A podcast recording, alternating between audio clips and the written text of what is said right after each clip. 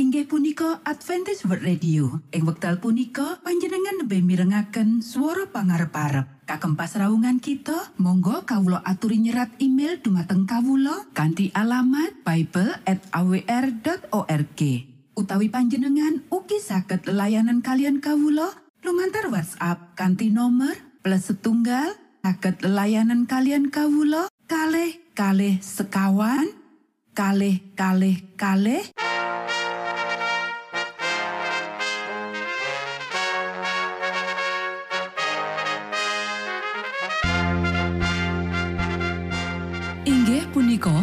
Adventist World Radio ingkang giaran kanti basa Jawi.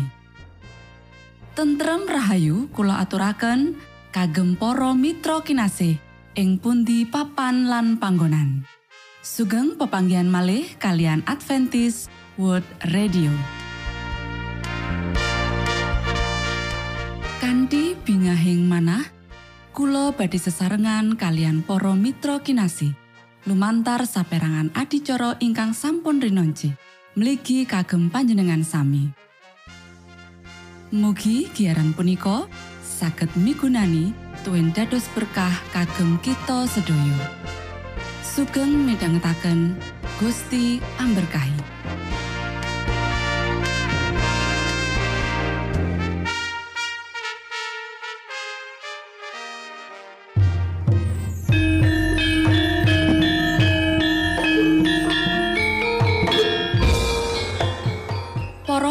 pamirsa kinasih ing Gusti Yesus Kristus. Ing wekdal punika kita badhe sesarengan ing adicara ruang kesehatan. Ingkang saestu migunani kagem panjenengan saha kita sami. Tips utawi pitedah ingkang dipun aturaken ing program punika tetales dawuhipun Gusti ingkang dipunnyatakaken ing kitab suci. Semanten ugi sakehing seratan ingkang dipun wangsitaken dening Gusti Allah. Nanging saderengipun, monggo kita sami midhangetaken kidung pujian.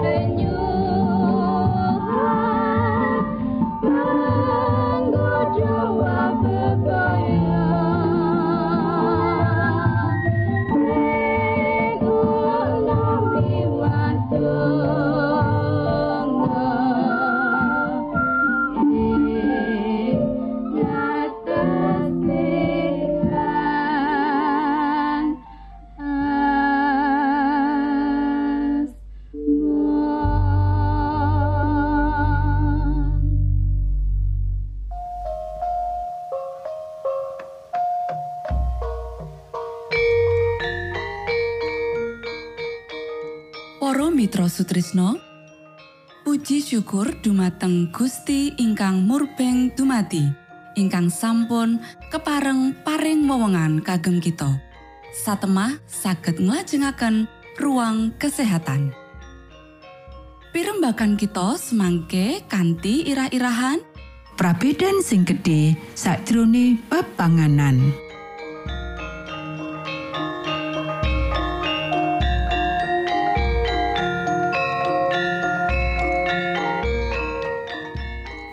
Dumateng para pamiarsa ingkang dahat kinurmatan, sugeng pepanggian kalian kula Isti Kurnaidi ing adicara ruang kesehatan.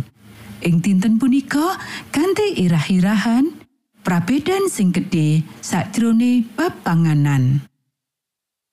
Para sedherek ingkang kinasih, ora saben wong sing aku percaya marang pembaharuan kesehatan bener-bener ya iku pembaharu. Kanggo akeh wong, pembaharuan iki mung sekedar ngetokake jenis-jenis panganan tartemtu sing ora nyehatake. Dheweke ora mangerteni kanthi cetha prinsip-prinsip kesehatan lan sawetara ing meja dahare isih dikebaki karo panganan-panganan lesat sing bebayani. Dheweke adoh saka contoh pertarakan lan kaprasajan Kristen. Siji golongan maneh Sakjroning pepinginan kanggo menehi tulodo sing bener, dheweke nglakoni bab sing kosok balen. Saperangan wong ora bisa entuk panganan sing paling disenengi lan gantine nggunakake barang-barang sing paling apik kanggo ngumpliti kekurangan iku, dheweke mangan jenis panganan sing asor. Panganane ora menehi unsur-unsur sing diperlokake kanggo gawe getih sing apik. Kesehatane merosot, kegunaane lumpuh, lan ketuladanane tutu nyurung nanging lawan pembaharuan sakjroning bab mangan. Wong-wong liya mikir menawa marga kesehatan merlokake panganan prasaja, mula ora perlu banget nggatekake pemilihan lan nglatekake panganan. Saperangan wong batesi diri kanthi panganan sing banget kurang. Ora duweni variasi sing cukup kanggo nyukupi kebutuhane urip. Lan dheweke nandang sengsara akibate. Para sedherek ingkang kinasih, wong-wong sing mung memahami saperangan saka prinsip-prinsip pembaharuan utawa reformasi kesehatan iki asring ya iku wong-wong sing sifate paling kaku. Ora mung sakjroning ngomongake pandangane dhewe, nanging uga sakjroning ndesek anggota-anggota keluarga liyane lan para tangga. Pengaruh saka reformasi ini sing salah, Saperangan katon saka kesehatane dhewe sing keganggu. Lan sakjroning usaha kanggo meksakake pandangane marang wong liya, menehi akeh pandangan palsu ngenani reformasi sakjroning bab panganan lan gawa dheweke kanggo nolak babar pisan. Para sedherek ingkang kinasih, wong-wong sing memahami pepakon-pepakon kesehatan lan sing diatur dening prinsip bakal ngendani loro-lorone prabetan sing keluwihan iku. Apa iku sing asifat manjaake utawa ngencengi? Panganane dipilih ora mung sekedar maremake selera nanging kanggo bangun awak. Dheweke mbudidaya ngopeni saben kapisan tetep sakjroning kahanan pucuk kanggo pelayanan sing paling apik kanggo Gusti Allah lan menungso. Selera dikendaleni dening akal sehat sarta arti nurani lan dheweke dianugrahi kesehatan awak lan pikiran. Senajan dheweke ora meksakake pandangane marang wong liya. Ketoladanane dadi sawijining kesaksian sing nyokong prinsip-prinsip sing bener. Wong-wong iki duweni pengaruh sing ombo kanggo kepecian para sedherek ingkang kinasih ana samu barang sing bener-bener masuk akal ngenani reformasi sakjroning bab panganan. Masalah iki kudu disinaoni kanthi cara jero lan ombo. Lan ojo sawijining wong ngicam wong liya merga prakteke sakjroning kabeh bab ora cocok karo prakteke dhewe. Ora mungkin nyiptakake aturan sing mutlak kanggo ngatur pakulinan saben wong. Lan ojo ana sing duwe panemu menawa dheweke iku dadi ukuran kanggo kabeh wong. Ora kabeh wong bisa mangan panganan sing padha. Panganan sing krasa lesat lan nyehatake kanggo sawijining wong mungkin ora enak, malah mbebayani kanggo wong liya. Ana saperangan wong sing ora bisa ngombe susu. Ewotene sing liyane banget senengi. Saperangan wong ora bisa nyerna polong-polongan lan kacang-kacangan. Ewotene liyane mujudake panganan sing nyihatake. Kanggo saperangan wong, pacawisan wiji-wijian sing atos mujudake panganan sing apik. Kamangka sing liya ora bisa mangan. Para sederek, wong-wong sing urip ing kawasan-kawasan anyar utawa ing wilayah-wilayah melarat, ing ngendi wowoan lan kacang-kacangan arang dipikolei, ojo dipeksa nyingkirake susu lan endog saka menune. Pancen bener menawa wong-wong sing berotot lan sing duweni nepsu saka kewan sing dhuwur perlu ngendani panganan-panganan sing rangsang.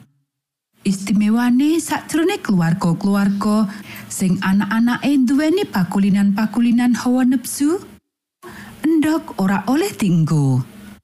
Nanging sakjroning kasus saka wong-wong sing organ-organ sing gawe ketiye ringkeh, utamane menawa panganan-panganan liya kanggo nyukupi unsur-unsur sing diperlokake iku ora bisa diolehi, mula susu lan endog aja disingkerake babar pisan. Nanging perlu banget ngati-hati supaya ngentokake susu saka sapi sing paling sehat lan endog saka unggas sing sehat sing diopeni kanthi becik lan diwenehi pakan sing apik. Lan endog-endog iku kudu dimasak sak rupa-rupa supaya gampang banget dicerna. Matur nuwun, Gusti amberkahi.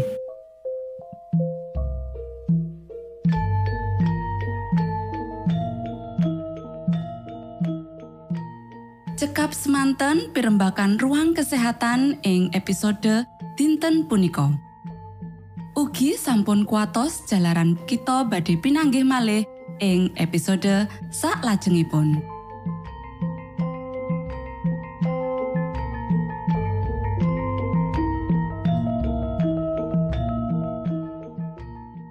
Inggih punika adicara ruang kesehatan. Menawi panjenengan gadah pitakenan, utawi ngersakaken katrangan ingkang langkung, monggo kulo aturi kinton email dateng alamat ejcawr@ gmail.com utawi lumantar WhatsApp kanti nomor 025 pitu 00 songo songo papat 00 pitu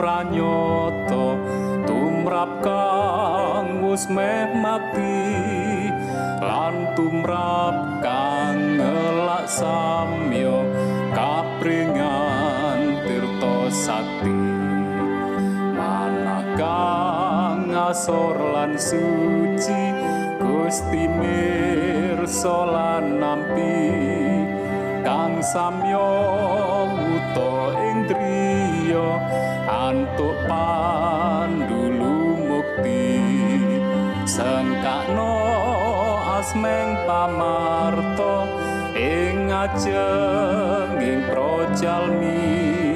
Sinupre mratobat samyo dados wargane Gusti. Sengkakno Gusti pranyoto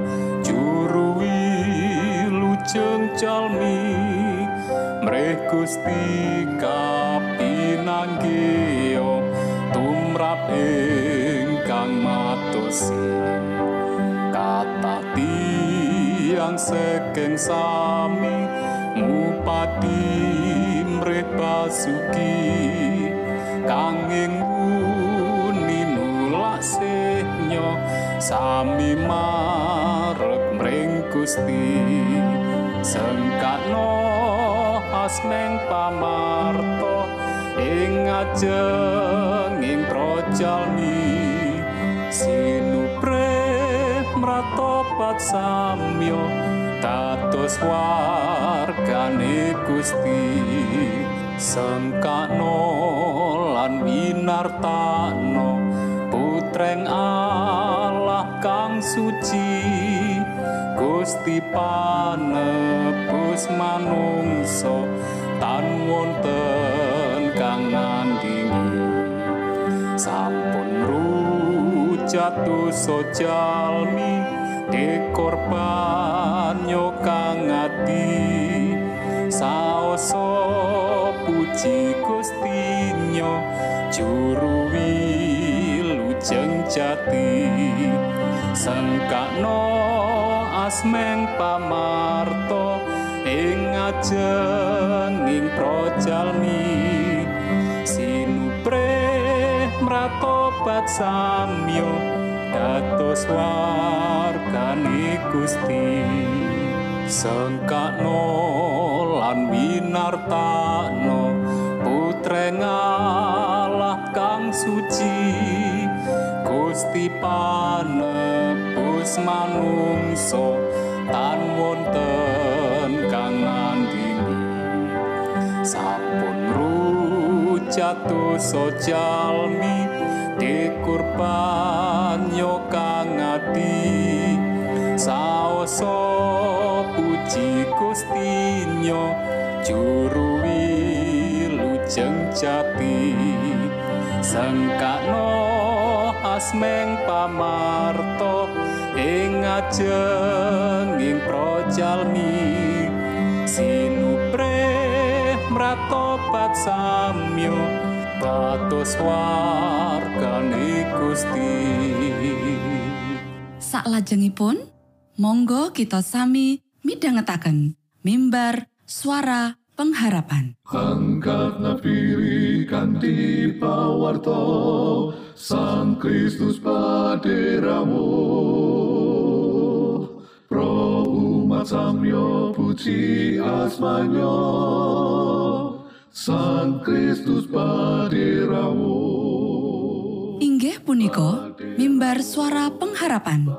Ing episode punika kanthi irah-irahan Injil langgeng pakabaran saka misi. Sugeng midhangetaken. Minangka tondo Sang Kristus paderamu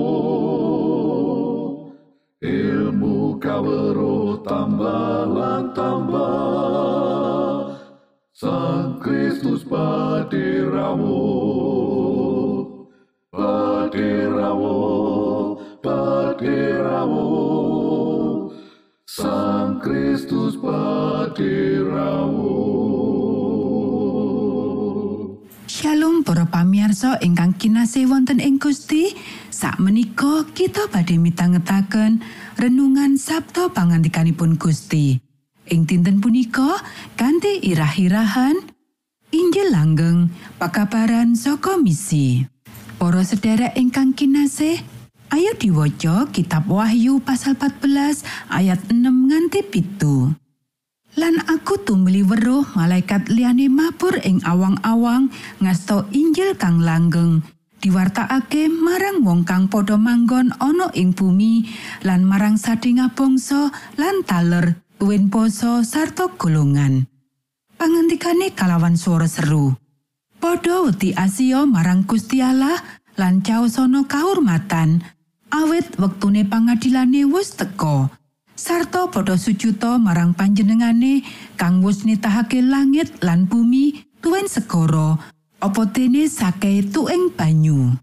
Para sedherek ingkang kinasih tembung langgeng lan Injil minangka tembung kang ana bagian saka kitab suci nalika digandhengake Injil minangka kabar kabungahan kang ana gegayutane karo sih rahmat sing ditawarake marang umat menungso lumantar Gusti Yesus Kristus.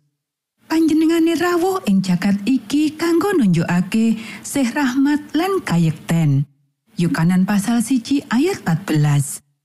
Panjenengane nguripi panguripan kang suci lan seto sinalib kang dadi kurban sesulih kanggo nanggung paukumane menungso dosa. Yesaya pasal 53 ayat papat lan 5, siji Petrus pasal telu ayat wolulas. Panjenengane wungu ing antarane wong mati, sumengko ing swarga, kamulyakake dening Sang Rama lan saiki dadi pangantara kagem kepentingan kita ing bait suci surgawi. Wahyu pasal siji ayat 18 Lelakone para rasul pasal loro ayat 33 Ibrani pasal pitu ayat selawe. Panjenengane bakal ngenepi janji kang agung bakal rawuh maneh ing kaagungane lan kamulyane lan ing punjere sakpurnane mangsa sewu taun bakal yoso kratone Allah ing jagat. Yukanan pasal 14 ayat siji nganti papat. Lelakone para rasul pasal siji ayat 11 Wahyu pasal selikur ayat siji nganti papat. Babakan iki kang dadi wujude kayekten kang wigati banget saka kitab Injil kang langgeng. Para sedherek ingkang kinasih, ananging kuwi kasunyatane menawa pakabaran iki langgeng saestu trawaja. Mung ana siji kitab Injil sing bisa nyelametake kita. Lan kuwi tetep panggah nganti misine Allah kuwi bener-bener karampungake. ora ana maneh kitab Injil liyane. Piwulang utawa doktrin kang busukake lan palsu bakal mlebu metu. Nanging kabar keselamatan Injil kang langgeng kuwi ora owah kingsir lan para wong-wong kang percaya lan nguripi Injil kuwi sakjroning panurutan kang oleh pituwase. Pangentasan pasal 5 ayat 33 Rom pasal loro ayat 6. Para sedherek ingkang kinasih, perintah kang diparingake marang para murid wiwitan iku minangka perintah kang padha kang diparingake marang para murid ing jaman saiki. Kita kutuning lestarekake lan nglanjutake tugas pemuritan kanggo Gusti Yesus ing ngendi wae papan panggonan kita. Nanging murid-murid sing kepiye? Apa murid-murid kuwi apik tur bener lan jujur cumandang ing manah seneng katresnan marang pepadane karakter iki pancen wigati tenan. Nanging kuwi ora cukup. Kita tansah ndadekake siswa kang duweni rasa ngener ing unsure kitab suci kang ana kekayutane karo pemuritan kanthi tunggal tinuju kautaman. Kanggo persiapan lan nyapake wong liyane kanggo karawuhane Sang Kristus Yesus kang dadi Gusti kita. Para sederek ingkang kinasih, pakabaran bab hukuman ing Wahyu pasal 14 ayat 6 lan pitu minangka sawijining kabar bab karawuhane Gusti Yesus kang kaping pindho sing wis cedhak. Lan pakabaran kuwi kasebut ing kitab Injil kang langgeng. Pakabaran cedhake mangsa kuwi wis tinulis kuwi minangka bagian saka kayektane Injil. Monggo kita sami tetunggo. Duh Rama kawula ingkang wonten ing swarga, asma patuko mugi kasucikaken. Kraton patuko mugi rawuh, karso patuko mugi kalampahan wonten ing bumi kados dene wonten ing swarga. Kawula mugi kaparingaken rejeki kawula sak cekapipun ing dinten punika.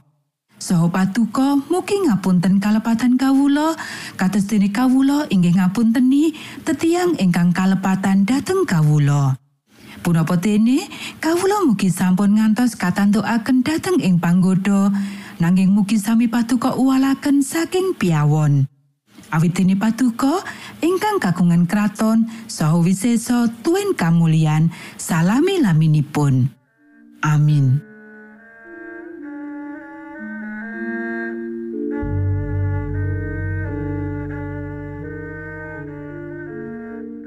Para Mitra Sutrisno pamiarsa kinasih ing Gusti Yesus Kristus. Sampun paripurno pasamuan kita ing dinten punika. Menawi panjenengan gadah pitakenan utawi ngersaakan seri pelajaran Alkitab suara nubuatan Monggo Kulo aturi kinton email dateng alamat ejcawr@ gmail.com utawi lumantar WhatsApp kanti nomor 025 pitu 00 songo songo papat 00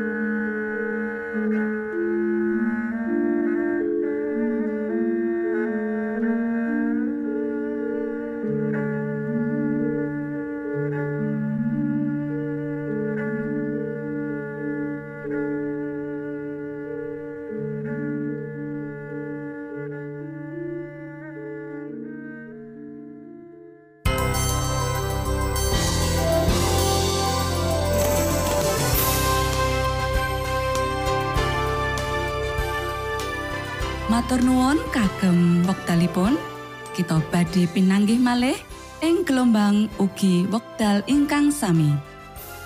Saking studio kula ngaturaken tentrem rahayu. Gusti amberkahi kita sedaya. Maranata.